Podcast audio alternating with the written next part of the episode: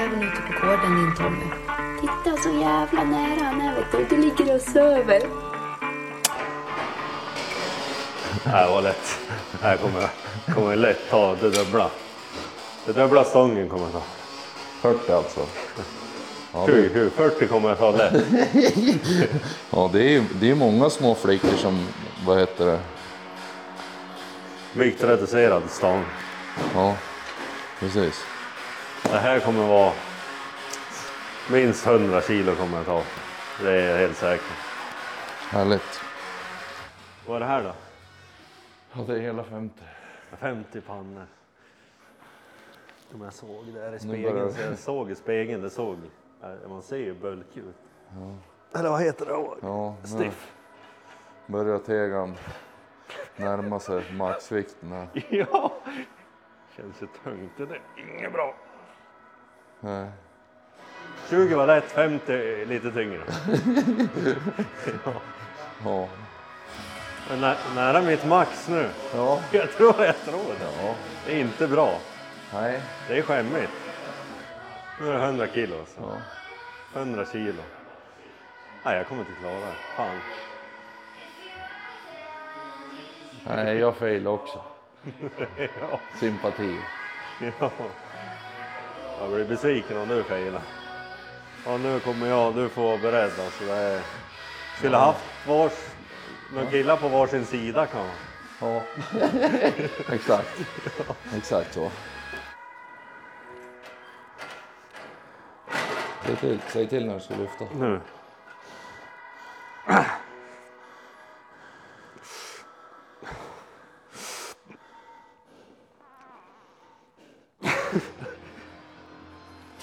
Ja. Jag var inte Ja, ens- uselt det. Det var inte ens nära. Nej. Bröstkorgen intryckt. Jag tar inte 100 kilo. Jag tog ju upp det i alla fall. Ja. Yes. Vad sa du? Och uppe det är 130. Hur mycket tilltar det tror du? Idag? Ja, jag är nöjd med 150. Är det eran talk? Nej. Nej, men då snor jag ändå då. Ja, 150 pannor. Kom igen nu då.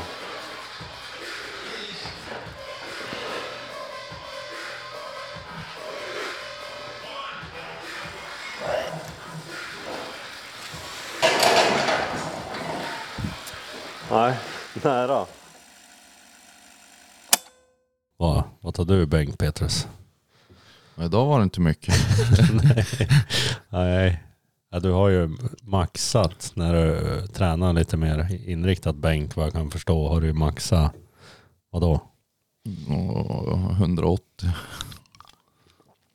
Men dagsformen låg på, Strax under 150. ja, ja. Jag klarar ju å- 80 ganska lätt i alla fall ja. Eh, inte 100. Vad har hänt då? Du var ju, du var ju nere över jagade. Det är väl det. är väl- Ja, och sen så före det gick det ju ett jaktprov här med eh, valpen kan vi säga. Ja, jo det har hänt. Ett särskilt rävprov med Bella. Hur gick det då? Eller vad gjorde du då? Kan jag börja, vad åt till frukost? Nervkakor. Nej. ja. Nej. Nej men du släppte först på norra sidan här. Jo. Ja, det gick ju inget bra. Nej, Jag tror, jag tror de flesta rävarna i, låg inne på norrsidan. du har haft några, ja, dagslång, två dagslånga drev där egentligen. Jo. Från morgon till kväll. Jo. jo, men det var andra som var ute där också och det var ingen räv. De fick inte upp några utan de spårade bara in dem. Så det var ju stormvarning på den sidan så Jo, om det är det då. Jag om de kände av det, ingen aning. Men det var ingen räv ute där som vi fick tag i i alla fall. Så då får vi på södra och släppte och eh, och södra det är ju sidan av Ljungan då. ja precis. Det är ju där utgångspunkten är från. Ja egentligen mitt i Sverige. Ja. Eh, sen så Ja, jag vet inte, den räven var ju så jävla... Ja, det vart... Den var o, osnäll kan man säga. Gick ett var kortare slagarbete, upptag över en å. Eh, som man var nervös över för den var ju bitvis öppen. Sen ut på väg, sprang väg till bilmöte, hoppade av vägen, sprang några hundra meter ner på isen på ån. Upp på vägen och fortsatte. Så den sprang väl till att börja med 6,5-7 kilometer väg med avhopp för bil.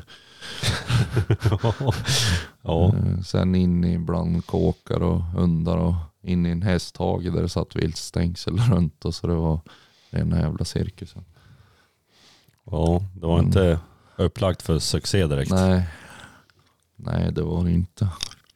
Men ja, vi lyckades ju lösa det så hon fick ihop sin tid och det och domaren tyckte hon gjorde det jävligt bra så får man vara nöjd. Ja, så gick ett ungdomsklassprov eller vad det heter. Ja, ungdomsklass. Särskilt räv. Och domaren föreslog ett första pris. Ja, så det ska väl gå igenom kollegier och grejer. Så får vi se då. Ja, får ju skicka några Selma Lagerlöf och eh, Winston Churchill eller vad det är på sedlarna. Ja, precis. Exakt. Jo, de som lyckas på prov har ju mutat domarna. Det, så det Ja. vet man. Så. ja, det är sen gammalt. Mm. Nej, fy fan. Nej, det var ju en sån dag man har tur. Ja, det är roligt att ha en domare med också. Lite tur Jo. då. Jo, sen är det det. Ju mer man håller på ju mer tur får man ju. Din resa till södra Sverige här till schakt och jakt, jakt och schakt. Erik, Ja, det var ju trevligt. Kan man säga. ja. hur många rävar var det ni fick upp då på, var det tre aktiva rävjaktsdagar va? Ja, det vi jagade var ju tre. Sen var ju han ute på torsdagen. Innan vi kom och... Eller ja, vi gick drev prov med, med tyskarna då. Och eh, det gick ju helt okej. Ja, det var väl, var det 14 rävar? Stämmer det? 16. 16 rävar.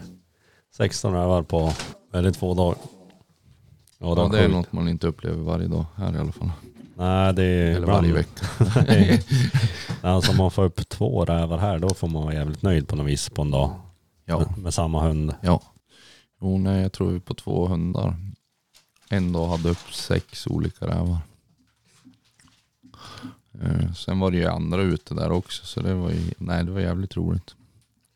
Ja, det var... Mycket, mycket roligt. Sen är man ju, det är som, det svåra för de här hundarna det blir ju liksom lite att sortera alla spår känns det som. Eh, från alla andra djur. För det finns ju gott om annat att driva. Ja, det, det finns väldigt mycket där men det finns väldigt mycket annat. Det är svårare känns som eh, på det viset. Men det är, hur många sprängda rävar blev det där? Ja, Mimmi körde väl ut fem stycken. Varav ett prov. eh, Och sen så körde Eriks ut en tror jag. Ja, Sen sköt vi lite si och sådär. ja. Eller vi kan ju ta det nu egentligen. Mr Melos. Vad har ni för hagelvapen då? Vad har du för hagelvapen Petrus? Eh, ja, en Blaser F16 Game. Den är ganska ny. Ja, köpte den innan den här säsongen. Eh, en Benelli M3. Den har jag haft flera år. Den är jag jävligt nöjd med. Eh, sen köpte jag en, en Benelli M4 nu som jag fick strax innan vi fortsatte. ja, det vart ju ändå en premiärräv med den. Ja, jo, den, den funkar jävligt bra. Passar mig fint. Ja, du har väl en drilling också. Ja, och en Blaser D99. Så det är de hagelvapen.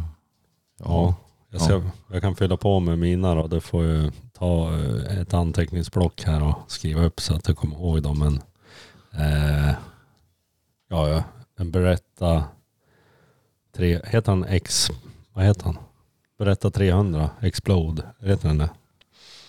Jag vet inte om den heter Explode eller Explore. Explore, det kan jag inte berätta. Det, det, det var 300 XXX som hette Explode. ja, Det var något Alltså, annat. det sjuka, jag vill ju vara intresserad av vapen men på något sätt så är jag bara lite grann på något vis. Nej men den är, den är väl ganska modern. Det är väl Ja. ändå, den finns ju att köpa ny nu tror jag. Det är ju en i träkolv då. Ja, jo men den är väl fin. Ja den är fin, den går bra. Eh, det var lite roligt, det, det som var roligt med den egentligen var väl, ja egentligen ganska dumt så här på ett sätt. Det var bara att jag fick för mig att det första skottet ska vara i en RAV. Och det Mm. kommer nu i första avsnittet på Bearplay på den här säsongen då. Ja. Eh, då skjuter jag ju en RAV som Brasse tar upp på.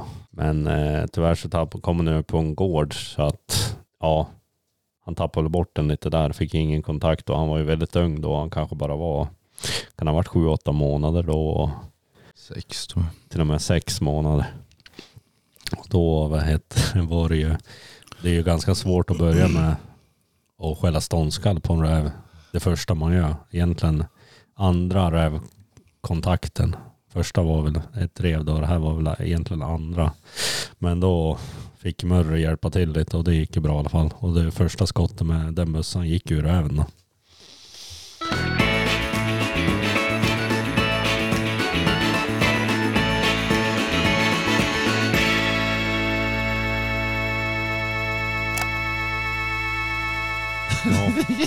Precis. Det, det är ofta det går mellan arsle och röven. Eller vad?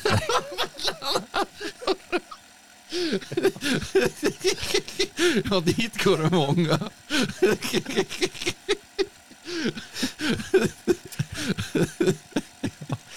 Förlåt det, det som har hänt sen sist det är jag släppte ju också, det, det har varit väldigt kallt så att, och sen så från början var isarna dåliga och då med tanke på det som hänt så släppte jag tror att vi släppte två gånger lite grann på, eller om det var en gång, jag kommer inte ihåg, men på ja, ställ, strategiska ställen där det absolut inte finns något vatten eller väldigt långt till det.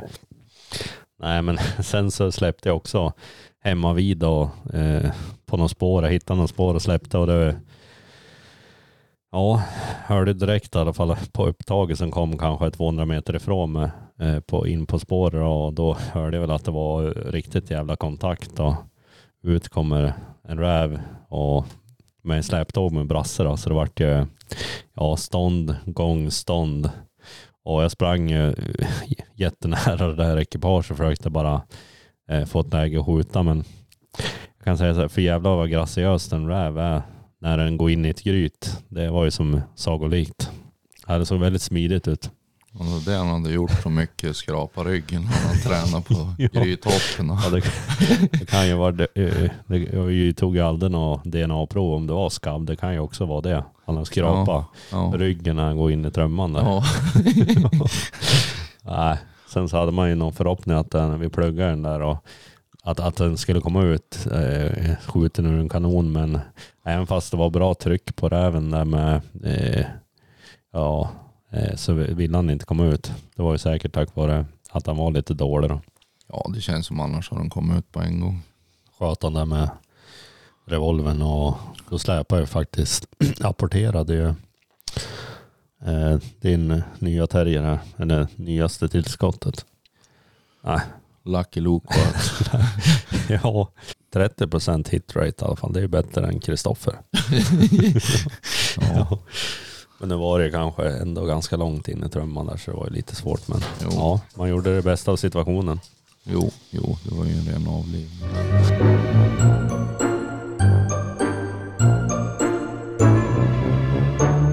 Kanske kan svara på lite frågor här. Vi har fått en hel drös ändå. Ja, vi kan ju Mr Mellos diskutera Amox. Ska vi diskutera? Vi kan ju diskutera priserna på Amox. ja, Har jag råd eller inte? ja, precis. Ja, det är ju dyrt per skott, men vi, Ja. du, jag har ju ingen Amox. Nej, jag har, men jag har inte fått något läge att prova dem. Ja, då ska man ju stå och tomskjuta dem på gryt, men det är ju ganska meningslöst. Nej, precis. Nej, så att, men Kristoffer sköt ju en räv och den kommer ju i film nummer två här. eh, När vi var över Tornio. Då sköt ju han en, Ja men han har väl skjutit flera stycken tror jag. Och det är Ja. genomslag på väldigt långa håll. Han flår ju sina rävar så det, det alltså, ja verkar vara bra skjuts. ja. Jävla bra skjuts. Och det, den räven sköt han ju ändå på, ja det var över 30 meter i alla fall. Eh, ja den på film. 40-50 tror jag. Ja. Och den dog direkt utan att springa. Ja, han- han sprang ju knappt en meter tror jag. Nej. Nej, som jag har förstått det så är det ju det du kan göra bort det på att du måste hålla upp lite grann. Ja, Men nu är inte jag någon expert. nej. Ja, det, det känns ju ganska logiskt ändå. De är väl kanske lite tyngre, själva kulorna. Än, och så blir det ju längre håll också. Ja. Nej men sen vet jag också, en kompis sköt ju, eh, en kompis kompis, de sköt ett rådjur på typ f- 40-50 meter med amox. Mm. Eller får man göra det? Det får du väl. Ja. Nej, men han sköt i alla fall, det var ju för långt håll egentligen då med vanlig ammunition men det, det var genomslag på det hållet alltså. Ja. På ett rådjur. Och det, ja det känns ju som att det är bra skit i alla fall. Man, kan, man kanske skulle använda det mer. Eller ja, vi har inte fått någon chans.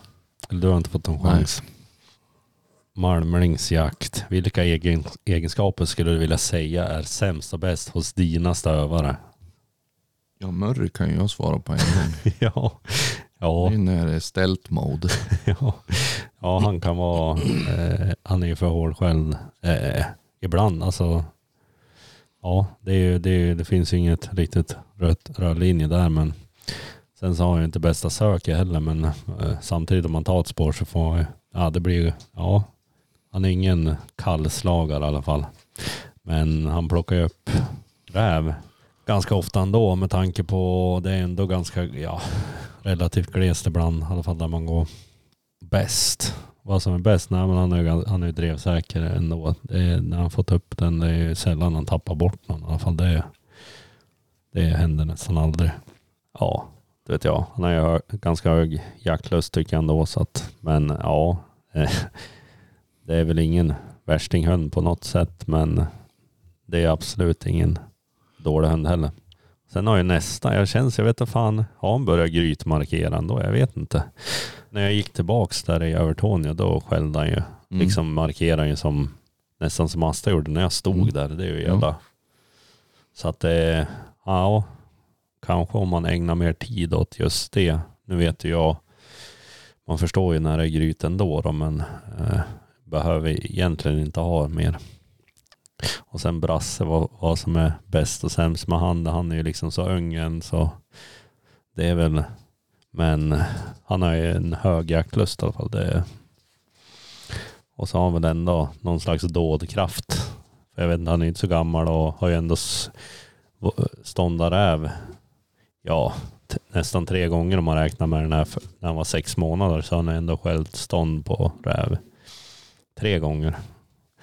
Så han känns och så jagar han väl hittills allt man har släppt han på. Förutom hare nästan. Ja, rådjur han jagat en gång. Och förmodligen järv och men det ska ju bli roligt att pröva han på kanske lodjur och ja, få se någon björn i framtiden får vi se. Dina då Petrus? Vilka jävla frågor. Jag har ju bara negativa egenskaper. Det är bara de du kan komma på. Mm, precis. Nej, men det jag gillar mest är väl fart och att det är fart och fläkt och inget harvande på samma ställen. När hon söker och grejer utan det, det känns som att hon täcker en hyfsad yta och det. Eh, sen gillar jag ju eh, grytmarkeringen. Hon har ju mig vetligen hittills inte om det inte var något, någon stenmur söderut hon lämnade där det gick in någon gryt eller någon räv. Det, det jag kan inte säga. Men, ja, men, nej, men sen, jag vet inte. Vad man, det är väl det som, ja, hon är ju drevsäker. hon kan ju ha en jävla fart eh, uppenbarligen när hon klarar av att springa kapp friska rävar. Så det, det gillar jag. Jag gillar inte det här lallande i 4, 5, 6 kilometer i timmen och leta spårstämplar. Men alla är ju olika. Eh, sen det mest negativa det är ju att hon gapig. Hon är lös. Sen vet man ju när hon driver och när hon väcker. Det är inget problem så. Men hon, nej, hon är lite för lös. Sen är det ju, finns det ju en. Men nu är det inte hennes fel. Utan det är att hon. Man måste hålla jävla koll på vätskan i hon. För hon är dålig att dricka vatten och har fått vätskebrist en, en sommar. Så man får trycka in vatten. Men det är som sagt ägarfel. Ja, och sen Bellatrix här då. Hon är, det är så svårt att prata om en valp men Ja, alltså. Hon är det som känns bäst eller bra med henne. Hon är tjurig. Eh, Hon har ju hittills inte mig vetligen här hemma dribbla. Alltså rent fysiskt tappa bort någon räv. Sen kan man ju önska. Det, det jag skulle vilja är att hon höjer tempot lite. Men det, är som, det lär väl komma med åldern förhoppningsvis. Alltså och nu pratar jag om på sök, slagarbete. Jag gillar inte det här gå och harva efter spårstämplar. Så det är väl det då. Avkommorna efter Asta och hög jaktlust i alla fall. Och det är väl ändå det är en av de viktigaste egenskaperna hos en, hos en stövare eller en jakthund överlag. Ja, det är en bra början i alla fall. Får man styra det sen. Jo, så är det. Men eh, det har vi inte heller sagt en ganska sjuk grej när du släppte Asta här. Eh, någon veckodag eller, eller hur det var. Eller var det en helg? Jag vet inte. Nej, det var veckodag.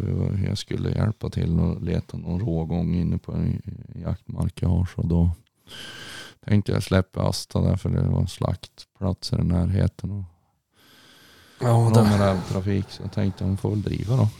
Ja, ja det gick ut på en väg och då, det gick sjukt fort på den vägen i alla fall. Ja, så tänkte jag att nu har hon ju kört den i gryt. Så tänkte jag det är bara att jobba klart och låta hon stå där och gapa för hon brukar aldrig gå därifrån. Så när det har gått en, jag vet inte, en timme eller någonting när vi börjar åka och var klar med jobbet så ser jag att det börjar röra sig på pejlen och tänker fan har hon blivit, fått någon Alzheimers Ja, demensknäpp eller för, men hon, för hon gick ändå runt och skällde liksom. Eh, men så gick det en stor båge, eller stor, någon hundra meters båge, så kom det tillbaka ner på samma plats och tänkte ja, ja hon gick väl bara, man tänker att hon blev knäpp men jag stannade bilen och ja, tänker jag men jag ska bara gå och koppla och se vad det är för gryt. Men så jag tar inte med mig någonting mer än koppla. Eh, Men då sitter ju räven där. Ja. Fast själv. jo. Så då ringer jag till bror och säger att han får ta med sig bössan och komma och skjuta. För nu är det allvar. Ja, nu är det allvar. Ja, men det var, det var en rolig sekvens och det, var ju, det är ganska ovanligt att få det på en till synes helt oskadad räv och oskjuten sen innan. Ja, ja. men det var väl eh, Ja, men det var det jag varit så förvånad över också. För skallindikatorn slutar ju ge utslag när hon kommer ut på vägen. Så då lär hon ju antagligen varit så jävla nära. Så att hon inte skällde någonting utan bara kuta för att få tag i den. Ja, Ja, det var någon felkalkyl av den Ja, räven känns som. jo. Det är lite tungsprunget i skogen, sen så ut på vägen och sen så han hunden kapp på något vis. jo. Kanske. Ja, en sån gång vore det ju faktiskt roligt att ha haft en hundkamera. Ja, precis. Det är sällan det är roligt egentligen på en stövare känns som. Nej. Nej, den, det första som händer är att den fastnar och går sönder in och gryt. Ja, precis.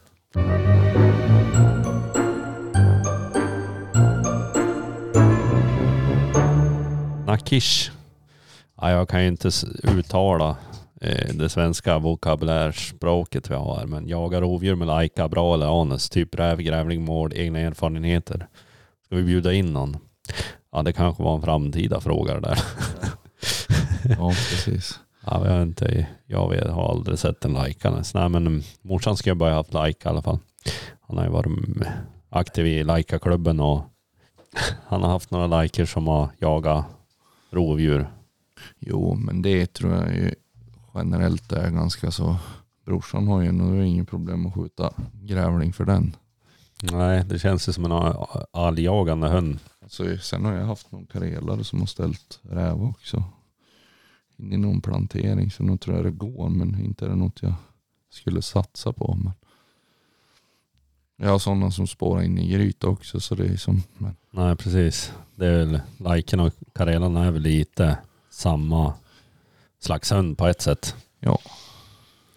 I alla fall olika, äh, vissa linjer är väldigt närbesläktade skulle jag tro. Rysk, rysk-europeisk lajka och karelare är ju jävligt nära släkt alltså. ja. Nej men eh, forsräven, när ska Tommy få hår på snoppen och skaffa grythund?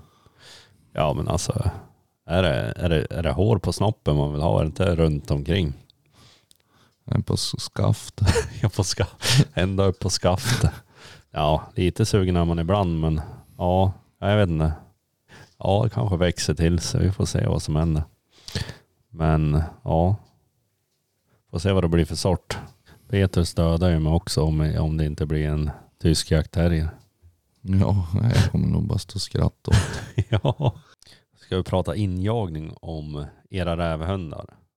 Augustsson Viktors ställde den frågan.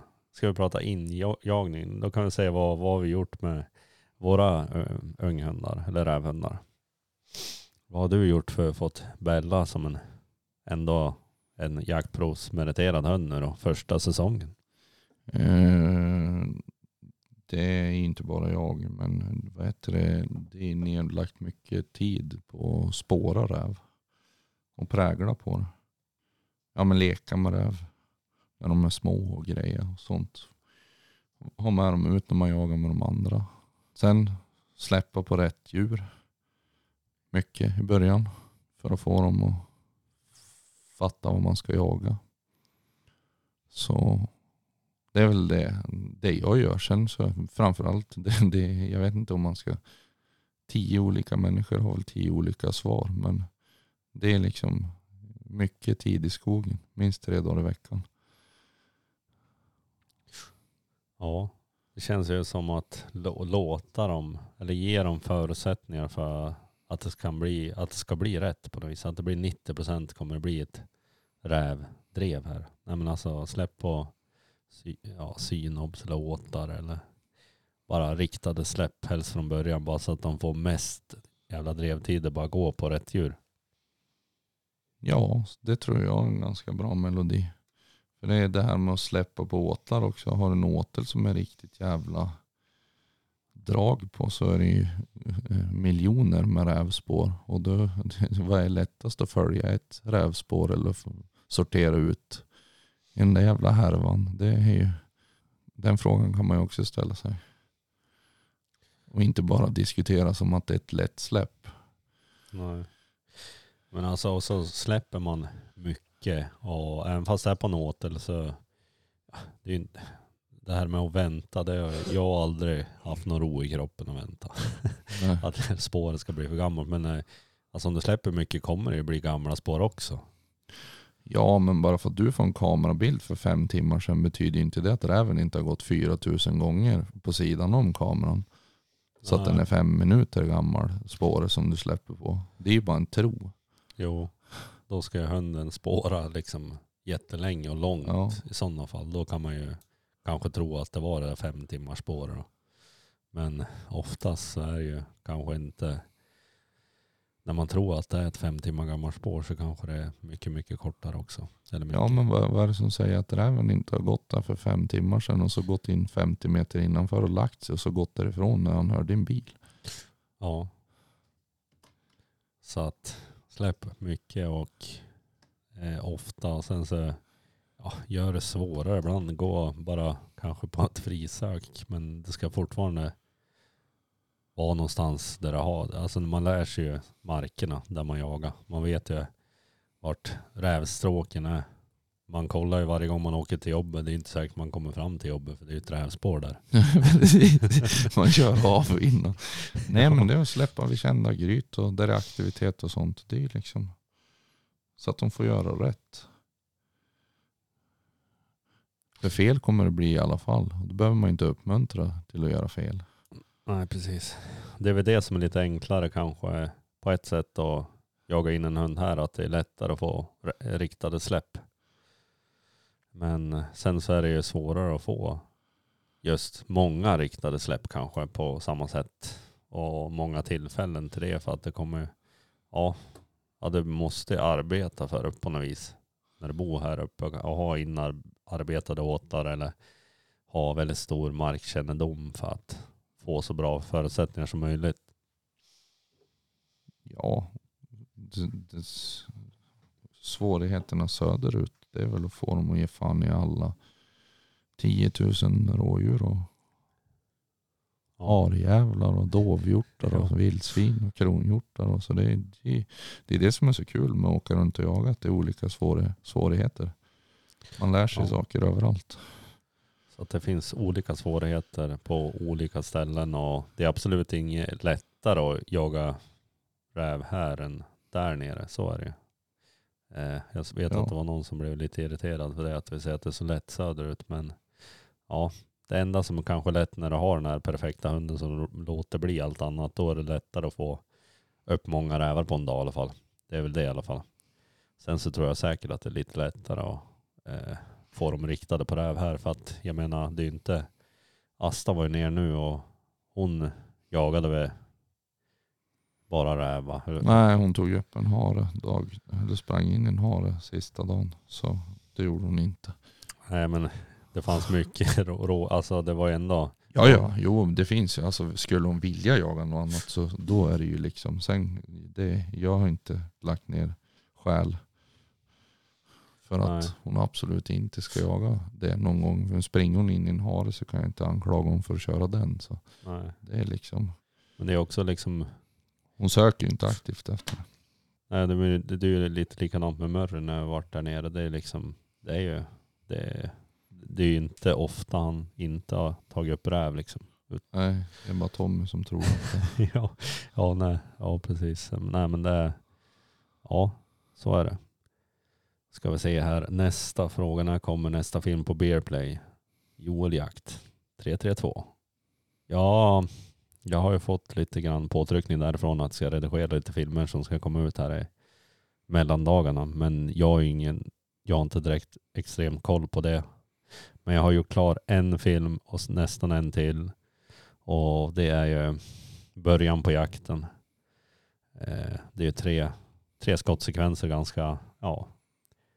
Ja, jag tror att det är en ganska bra film. Jag hoppas att ni tycker det i alla fall. Eh, Nästa film jag ska redigera det är när, vad heter det, Samuel, Johan och Erik var mm.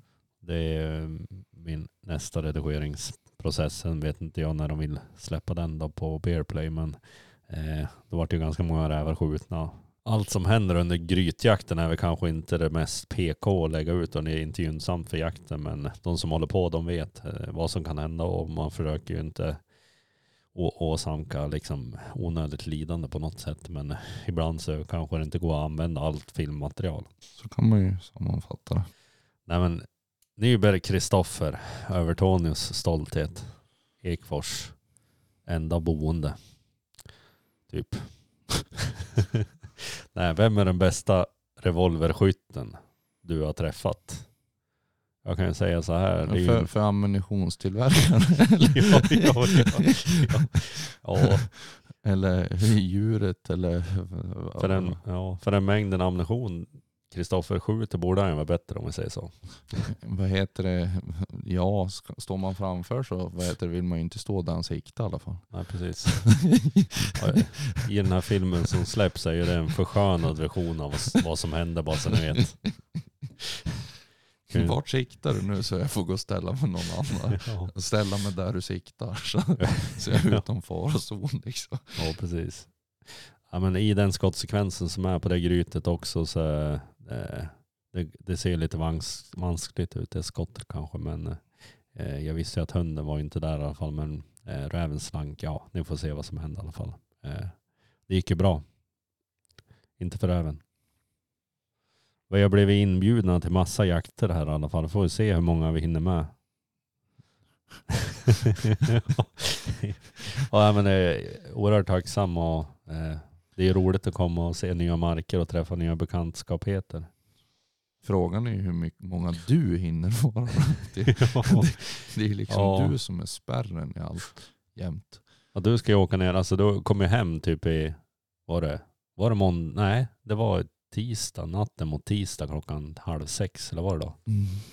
Från södra del, alltså jävla så långt söder man kan komma nästan. Ja, 40-50 mil kvar. Men ja, ja, det går att åka lite. Nej men nu ska du ju ner imorgon igen, varför då? bara Asta. Så att om det är några bra jägare där ute så kommer eh, Asta paras med en inkognito. Eller in, ra, ja, det heter inte. en rasvårdsparning här i alla fall. Ja. En jaktchampion på räv. Lucernhörhån. Och det, han kommer vara med i podden sen också, eh, säsong två här. Och alla första valpkullen känns ju som lovande och det är ju redan en meriterad första hösten, det har du sett till så att Jo, ja, får, måste jag, ju visa vägen. ja. ja, Brasse är också anmäld men ja, vill Till ha. polisen. ja. ja, det är ju egentligen, ja, har inte hunnit med mig riktigt heller och gått. Men nu framöver, nu vill man ju ha bättre för Det är nästan lite, lite, lite löst. Alltså det är ganska mycket snö nu. Eh, Jag vill ha ett långt drev först på något vis. Nu har jag inte haft det på de, jag har ju släppt den på kvällarna hela veckan här och ja, en gång blev det ju ingenting och en gång gick det gryt efter 20 sekunder så att Ja. det var ju ganska, man vill ju inte ha någon sådana i bagage innan man går jaktprov. Man vill gärna i alla fall ha ett 30 minuters drev och veta att de kan gå ute nu också. Men det är väl lite så när det är mycket eh, bottenlös snö som den är nu. Mm. Ben Söderlund, för, vad föredrar du Petrus? Lös eller hårdskälld? Lös. Om man får välja liksom mellan Murray som han kan vara. Alltså man vill ju ha något mellanting men det är roligare. Alltså alla saker till sin extrema spets är ju dåligt. Ja, du ska ju absolut inte vara så jävla löst så du inte vet skillnad på väckning och drev och tappt. Och, de ska ju vara ärlig. Alltså Ja, sen om de gapar precis. lite mycket på väckningen eller hur de nu gör. Det är liksom, du ska ju höra distinkt vad som händer. Att nu har jag ingen koll, då blir hunden tyst. Bara dra något väckskall, sen så påstick, då är det fullt. Det, det handlar ju bara om att, att liksom känna sin hund. Ja, så att en oärlig hund är, det är ju det sämsta men eh, sen så är hårdskälld säger de att det är bättre till kanske lodjur men det är inte, det är ju lite sådana här. Här. Känns som och det är ju liksom den södra delen av Ljungan. Där har det Mm. inte varit någon jakt på dem heller. Nej. Nej, men det är det. Då får man ju ställa sig själv vad jagar jag mest. Alltså, är det Ja. mina tre dagars lodjursjakt som jag ska ha den lösa hunden som är jättetråkig och, eller jättekul att jaga räv med eller och, och det blir lite sämre på lodjur. Eller det, det är alltid, man måste ju ställa sig vad man vill ha. Sen kan man ju inte välja heller. Nej, du är väl lite, Det- jag känner att eh, Man får ju vad man får. Ja, jag föredrar eh, varken det ena eller det andra men om man får välja så vill man ju väl kanske ha att det låter i alla fall. Så då ser jag väl ändå lös för jag tänker att Brassa är ju inte så jävla lös ändå eller? Eh, men det låter ju ganska, ja han är mer och jag vet inte vad han kommer bli. Han blir säkert mer lös än hårdskälld i alla fall. Och då gillar jag nog det lite mer. Okej. Martine Lundberg. Ska man, ska man liksom outa frågorna? Ska man göra det? Nej, jag tror inte det. Eh, Vem är din favorit jänta som har varit med i podcasten. Står ju på norska här. Nej men det var Ska jag översätta åt dig? ja, ja. Nej men det har ju bara en så vi får väl säga Martina då. Vilken är din favorit? Inga kommentarer. no comment. Jockis, han undrar vad vi tittar på när vi väljer valp i en kull. Det gäller ju rovstövare. Ja, du som har sålt någon valpkull här av rovstövarkaraktär, vad... Mm, jag tittade inte på någonting. Jag, det var så jämn, eller jag tittade på om det var någon som stack ut åt något håll och det var det inte. Så vi valde inte tik utan vi tog den som blev över. För de var så pass jämna och lika i beteende och psyke allihop. Så det är som, jag brukar föredra att det inte ska vara någon, någon extrem åt något håll utan det ska vara en, sen om det är rätt eller fel, men en som är i, i beter sig normalt med de andra. Det är liksom, det, de sista som var och hämta valp tik då ville ju att vi skulle välja. Men sa nej, ni får välja. Alltså kan ingen skylla på någonting. För min del spelar det ingen roll för de är så pass lika. De har samma förutsättningar så att säga. Ja, Det, det, det var ingen som stack ut och var skygg eller aggressiv eller någonting så. Utan men Brasse, hur var han då?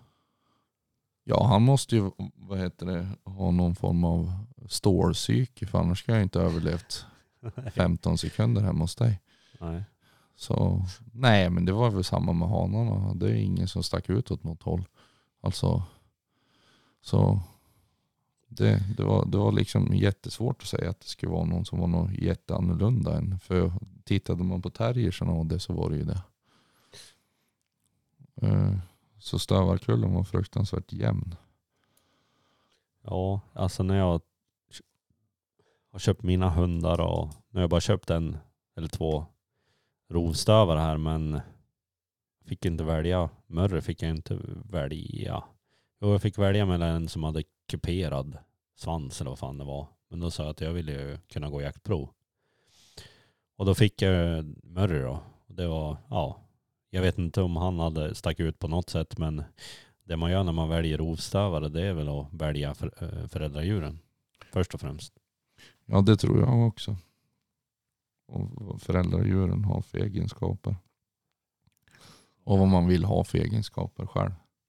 Sen är det nog bara lägga tid på att nöta.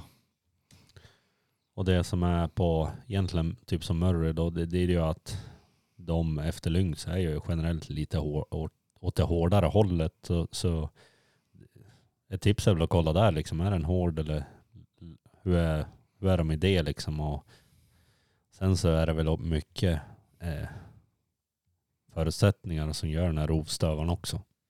Och bara gå ut och tro att något ska funka. Det, är ju, det spelar ingen roll vad man har för, för hundar. Nej, och för att få många släpp nu så har ju jag har ju börjat släppa mycket på kvällen. Inte för att det är lättare på något sätt utan bara för att få släpp Ja, drevtid. och drevtid. Och han har ändå gjort, det, det längsta drev han har gjort det var, ja, jag gick och la mig och sov ja. Nej men det buktade väldigt tätt och eh, kommer inte ihåg när jag kopplade den dagen men jag släppte han på sent på kvällen och kopplade han. Ja han hade väl, jag kommer inte ihåg om han hade tapp då eller fan det var. Men han hade ju drivit den där räven hela natten i alla fall och eh, ja det vart några timmars drev då, jag vet inte.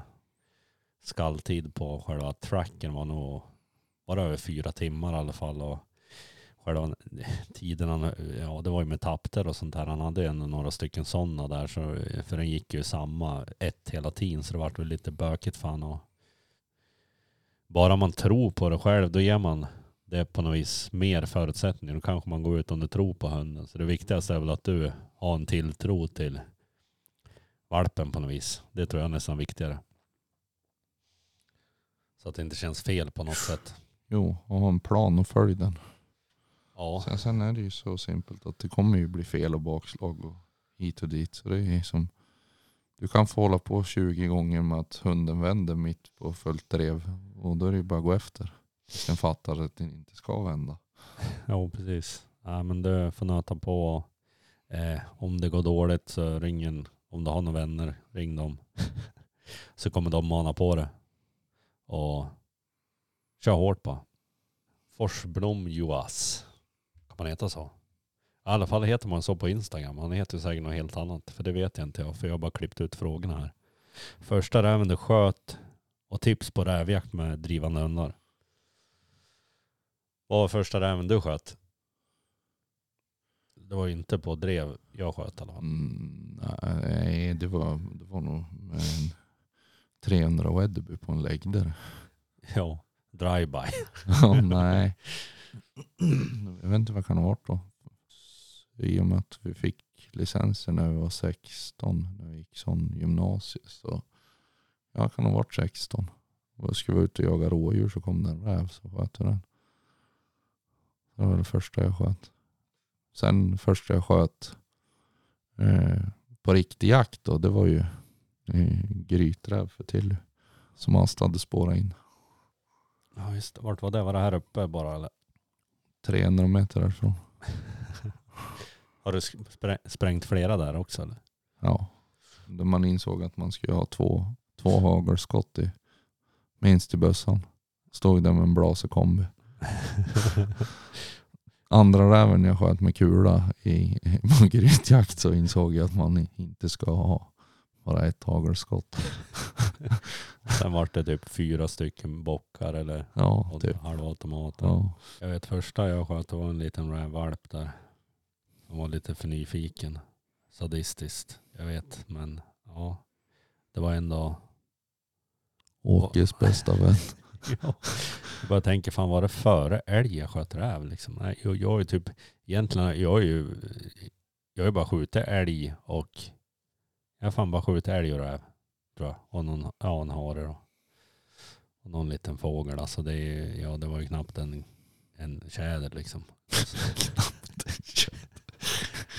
Det var en blåmig. Ja. Jag kommer ihåg den första fågeln jag sköt. Det var när jag var liten och kunde precis lyfta geväret. Då smet jag ut och sköt jag en ringmärkt fågel och fick skriva ett brev till. Jag vet inte vad man skriver till. Du farmar. Du farm.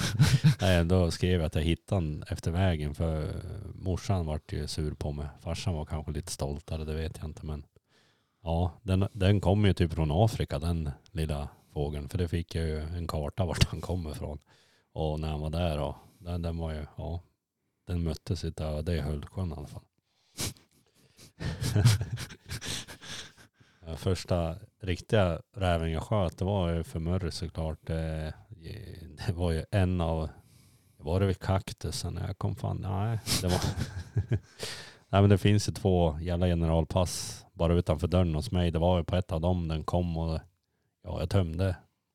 Fick lägga i mer skott till och med. Jag, vet, jag, vet, jag fattar inte varför han inte dog men till slut gjorde han ju det.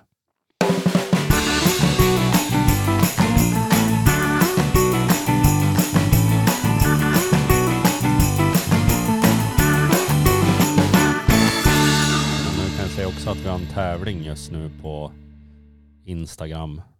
Där man kan välja lite Bearplay-prylar då.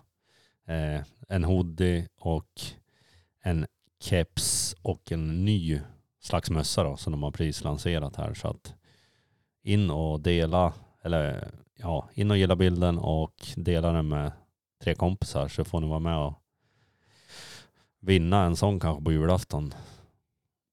Det är ju kanske till och med idag för jag vet inte. När jag, Nej, julafton är inte idag. Nej, inte dem. När vi sände ut det här till er. Ja, det här är någon som frågar något som egentligen inte kan svara på. Sebbe Jansson. Hur har ni gjort med era unghundar med just injagning på lo, ålder och med- mera? Men vi kan ju våra tankar kring det, för jag kan ju inte säga att vi är någon slags lojägare eftersom jag, jag har skjutit något lodjur och sådär men det är ju det är för få släpp och hemma hos mig där jag jagar mest så, ah, fan, jag har inte sett ett enda lospår i höst i alla fall, det kan jag säga. Nej, Du- spår här uppe har jag hört från hon och ung. Ja. Nej men eh, ålder känns ju som äldre än räv i alla fall. För det känns ju som en att möta. Det är ganska stor risk att de att katten gör, alltså beroende på hur hunden är då såklart och hur nära den kommer och så fin, finns en risk att den blir riven och då tror jag att det inte är bra att den blir riven i för, för ung ålder när den inte är mogen för uppgiften i alla fall och det känns ju som att andra hösten är väl kanske lite bättre. Minst. Men vi låter det vara osagt. Men du är, har Asta drivit Lo? Ja. Och, och Willy gick uppe på skaren och jag kröp och rasade igenom. Så Ja. jo, nej, hon har drivit. De där var det ju, det som var svårt för dem då, då var de ju ett och ett halvt tror jag. Båda de. Det är ju när de stannar och frontar dem. Jag skulle ju nog gärna tagit att de var lite äldre då. Ja. Ty, jakt och fiske. Jänkisjärvi. Där har vi varit och jaga. Och det kommer ju en filmatisering i rävjakt nummer sju. Och när blir Jänkisjärvi igen? Frågan. Ja. Nästa år va? Om, om, om vi får bestämma. Eller om jag får bestämma. Eller om min fru inte säger nej. ja, Thomas i alla fall. Hur tänker ni med valpköp? Och det har vi, ja, det har vi egentligen redan avhandlat. Men hur många rovdjursstövare kan man ha då Petrus? Men det beror på hur surkärring man har.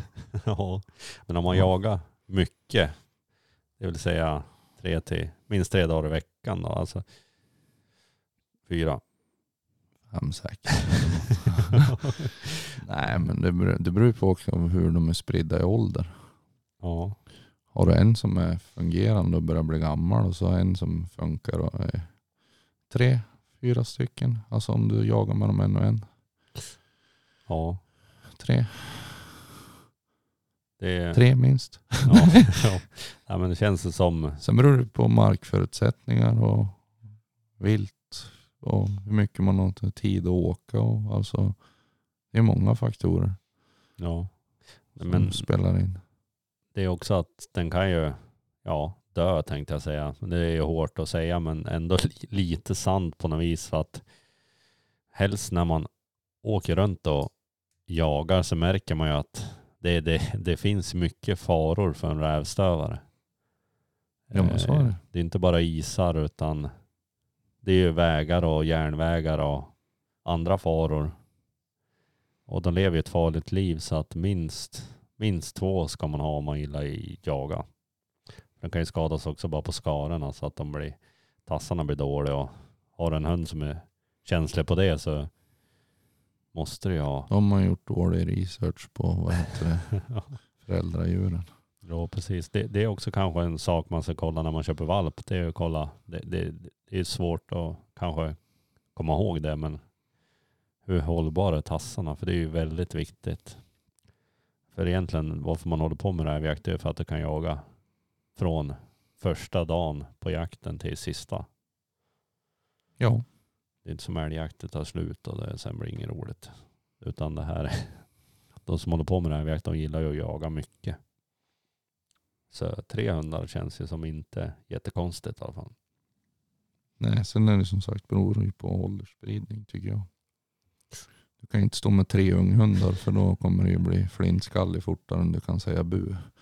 ja, nej men ja, nej, precis. Man ska ju inte ha flera unghundar samtidigt. Utan en i taget, för den, den kräver ju ändå, eller den vill du ju lägga mest tid på. Så då kanske de, de äldre får stå tillbaks lite grann i alla fall. Jo, och då är det jävligt skönt att ha någonting som fungerar som man bara kan gå och släppa ut så man kan få lugna nerverna. Jo, precis. Mr Hultman, du känns det som rätt person att svara på det här eftersom du arbetar i skogen också. Kängor vid stövlar på vintern. Hur beter sig för att inte behöva amputera fötterna på grund av förfrysning? Ja, eftersom jag förfryser mina fötter gravt så fryser jag jävligt lätt om fötterna. Men det är som Jag brukar ju oftast, stövlar det har jag ju mer eller mindre aldrig. Eh, men då är det ju att köra med tjocka sockar då. Sen är det de här Herkila Inuit-skorna, de klarar man ju av att stå på gryt i 25-30 minus i utan att frysa. Men då går inte de att köra bil med istället. Eh, sen, nej, jag, jag föredrar kängor. Men det är som sagt, har du för frys i fötterna så kommer det frysa om fötterna. Är, om du inte köper någon sån här extrem grejer. Det är, Nej. ja, jag förfryser ju- alltså fryser om tårna alltså på en gång även fast det inte ens är kallt. Ja, men Så- något, man ska tänka på är väl att ha riktiga tjocka, sockar eller ja. Ja. det som är att du ska få luft i skiten. så, då Stor, det, Stora kängor eller stövlar och tjocka sockar. så när man köper kängor där du inte ska köpa de som precis passar utan de som är lite större kanske ändå. Mm. Som när man var liten och såg ut som en clown. ja, det, ja, det är så dyrt att köpa nya skor. Nej jag vill ha 47 i skor. Ja, men du har ju bara 38. Nej, fy fan. Ja, Mr Hultman bjuder ner oss till jakt också. Så att vi får ju se när vi åker ner över om vi kan göra något pitstop på vägen och eh, stilla jaktbegäret innan vi kommer så långt söderut så att vi inte vet vart vi har kommit. Tommy fan söka om ledighet. Ja. ja, jag slutar med det nu. Jag bara, Du bara försvinner. ja, ja. Försvinn. Jag försöker säga bara att ja, fast jag, är klar, jag klarar mig själv. Jag arbetar helst helt ensam. Ja. Ja, det är så synd med det eftersom man är så socialt aktiv på med, i medierna så ser ju chefen vad fan man håller på med precis. Så att jag vet inte vad som är grund till uppsägning men jag har ju inte nått dit än i alla fall vad jag vet. Det säger ju en del om hur dåliga de andra ja. ja. Nej men sen så undrar vildsvinslöffan hur många pizzor det går ner på en kväll när du och Petrus beställer. Jag vet inte, du kanske kan berätta din när du hö- höll på som mest då, lyfte bänkpress tänkte jag säga. Du åt ju ganska mycket en gång, några hamburgare och äter ganska mycket av, vet jag. Ja, 15 sådana här färskhamburgare, Icas. Ja, har jag ätit en gång. och det slutade jag inte åt för att jag vart mätt utanför det tog slut. Ja, då tänker jag så här, fem, vem har 15 sådana hemma liksom? Det är det som är sjukt bara det. ja. ja, det är sjukt. Ja. Då ser det inte ut som en julkorv heller. Kanske det som är ännu mer sjukt. Nej, det är någon, någon som skriver, Kistraset skriver, en riktigt fin jävla rävdrev eller sex med frun. Ja. Nej men ett, det är ett fint rävdrev såklart. Och så om någon av er som lyssnar på det här tänker att sex med frun är bättre än ett rävdrev så kan ni, nu behöver inte lyssna något mer. Jakt ute i bygda. Vilka hagelskott kör ni med? Eh, alltså jag är ju, Ja, bomskott när vi var hos dig. Eller jag var hos dig. Ja, för du var ju faktiskt att, hos Peter Klein här och jagade Masta och med hans nya. Milton. Milton. Mm. Ja. Och det vart ju mycket jakt där och många rävar eh, som var igång där ett tag va? Ja, och två gryt och trodde, den ena trodde jag aldrig skulle komma ut. Men den kom ju ut. Men den såg ju en så det vart ett kastskott bara. Jo. Så den for ner igen. Det var ett stenmoras. Den, den var inte vart ej prickad om man uttrycker sig så. Nej, precis. Eh, Men den trodde jag faktiskt aldrig skulle komma ut. Sen får vi till en annan, ja det var under en sten bara. Trodde bara det var ett hål. Eh, Det var ju mörkt också så det var bara en med bössa som gick in. Släppte hunden kontakt på en gång så kom hunden ut, gick ner igen, då for den under ett hål som inte fanns Nej. i 200 blås. Det tog ju två minuter tror jag. Så den sköt inte ens jag på. Det var bara... Det var tätt som fan där så jag såg bara hur det svischade till. Så nej, det var trevligt. Ja precis, men vilka hagelskott kör vi med? Det, det, Ja, Du beställde några sådana här som är grytskott. ja Rottweil. eh, Vad fan heter de? Jakt. Eh, någonting. De ligger ute i hallen. Kan gå och kolla. De är bruna i alla fall med ett Mm. kryss på. Mm. Eh, de, Ja, de verkar ju sprida jävligt mycket. Ja, här har vi Super Speed Winchester. Eh, Rottweiler, här är de. Premium Line Magnum. Rottweiler Professional Line Jagd Brown Stro. Strue. Streu. Jagd Brown Streu. Det är något, och så är Amox tungsten shot shell. Nej men det är några, jag- kör ju med alla de där också, förutom Amoxen. Viltmästaren skriver så här, hur snabbt får ni en räv och hur mycket får man för ett fint skinn idag? Det är väl typ ingenting va? Jag får ingen räv speciellt snabbt och jag vet inte vad man får. Inte Jag, jag, mycket. Jag har aldrig flott en räv så jag kan inte svara för det är inte, jag, jag jagar inte för det. Nej. Och skinnpriserna idag, men man hör ju gamla gubbar som surrar så de kunde ju livnära sig på skinnjakten. Martin ett Eriksson skriver, borde rävprovsregler ändras? En gryträv är inte värd någonting gentemot ett hyfsat rev på 90 minuter. Han menar väl att det ska värdesättas mer än grytad räv eftersom att det är Ja. en väldigt Jo, ja, ja, ja, ja. Ja, värdesätt. Alltså jag vet inte varför inte den värdesätts. Det beror på. Det har ju inget med drevet för stövaren att göra. Nej, det Så, så det, det är liksom, sen ska det ju läggas i provberättelsen. Att den har gryta och ja. stannar vid gryt.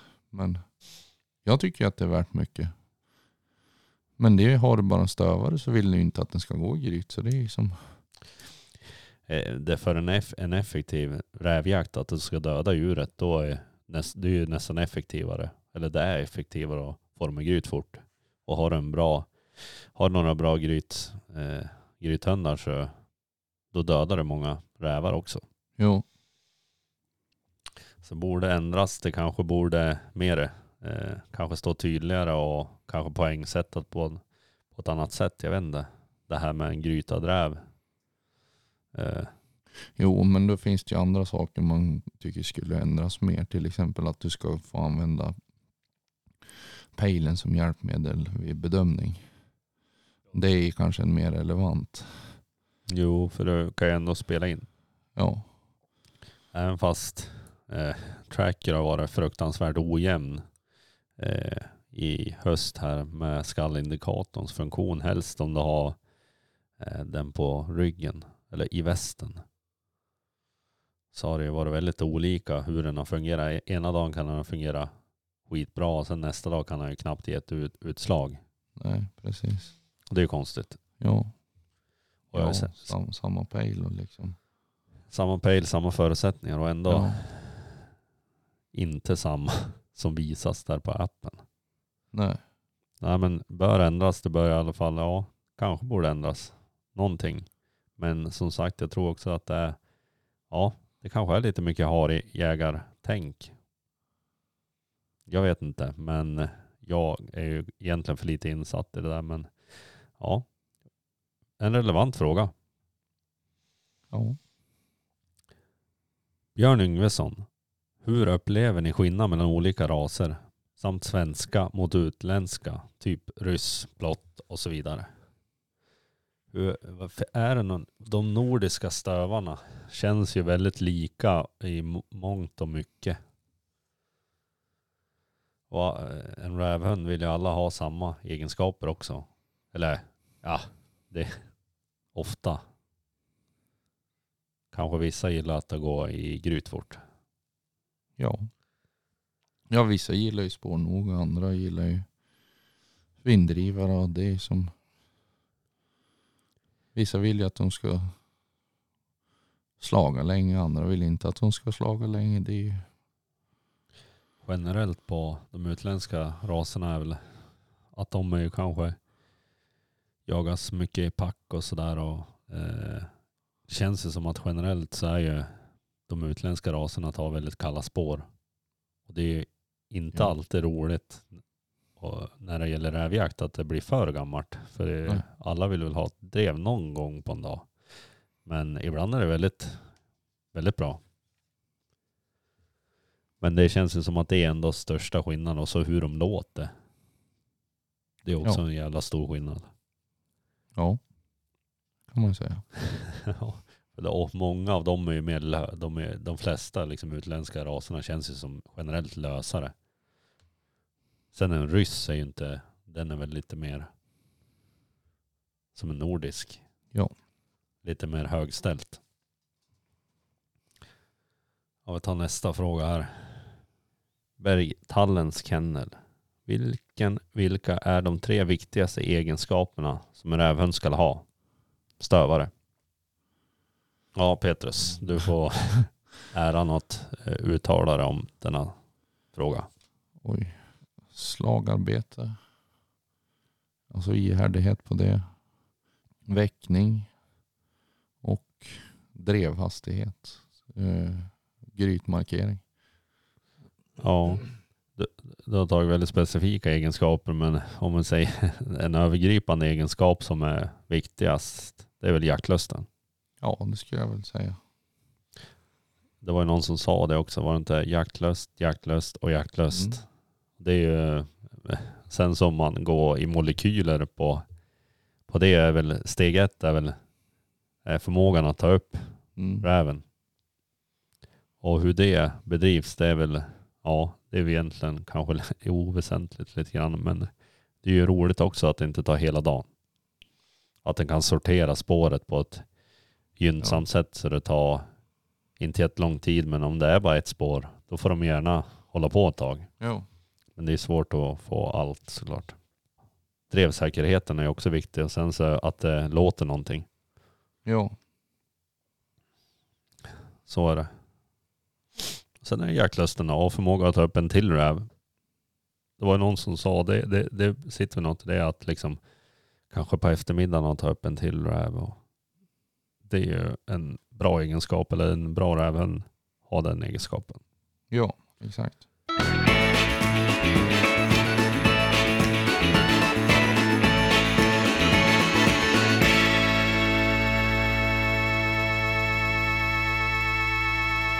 Alltså har ni några idéer på folk vi kan intervjua och, eller någonting vi kan prata om och kanske om några prylar, jag vet inte, och djupa, dyka in i det. Det, det. det enda som vi har krav är väl att det ska handla om rovdjursjakt på något sätt. Att det går att härleda till det. Känns inte som att vi kommer prata med någon. Det vore nästan lite roligt att prata med en inbiten harjägare. Och höra varför det är så svårt att driva hare jämte mot räv. Och varför, varför de håller på med harjakt och inte det som är roligast av allt. Rävjakt. Nej men, eh, alltså jakt med stövare i alla fall. Och, ja, kanske ta in någon som jagar mycket ro med spets. Kanske höra den sidan.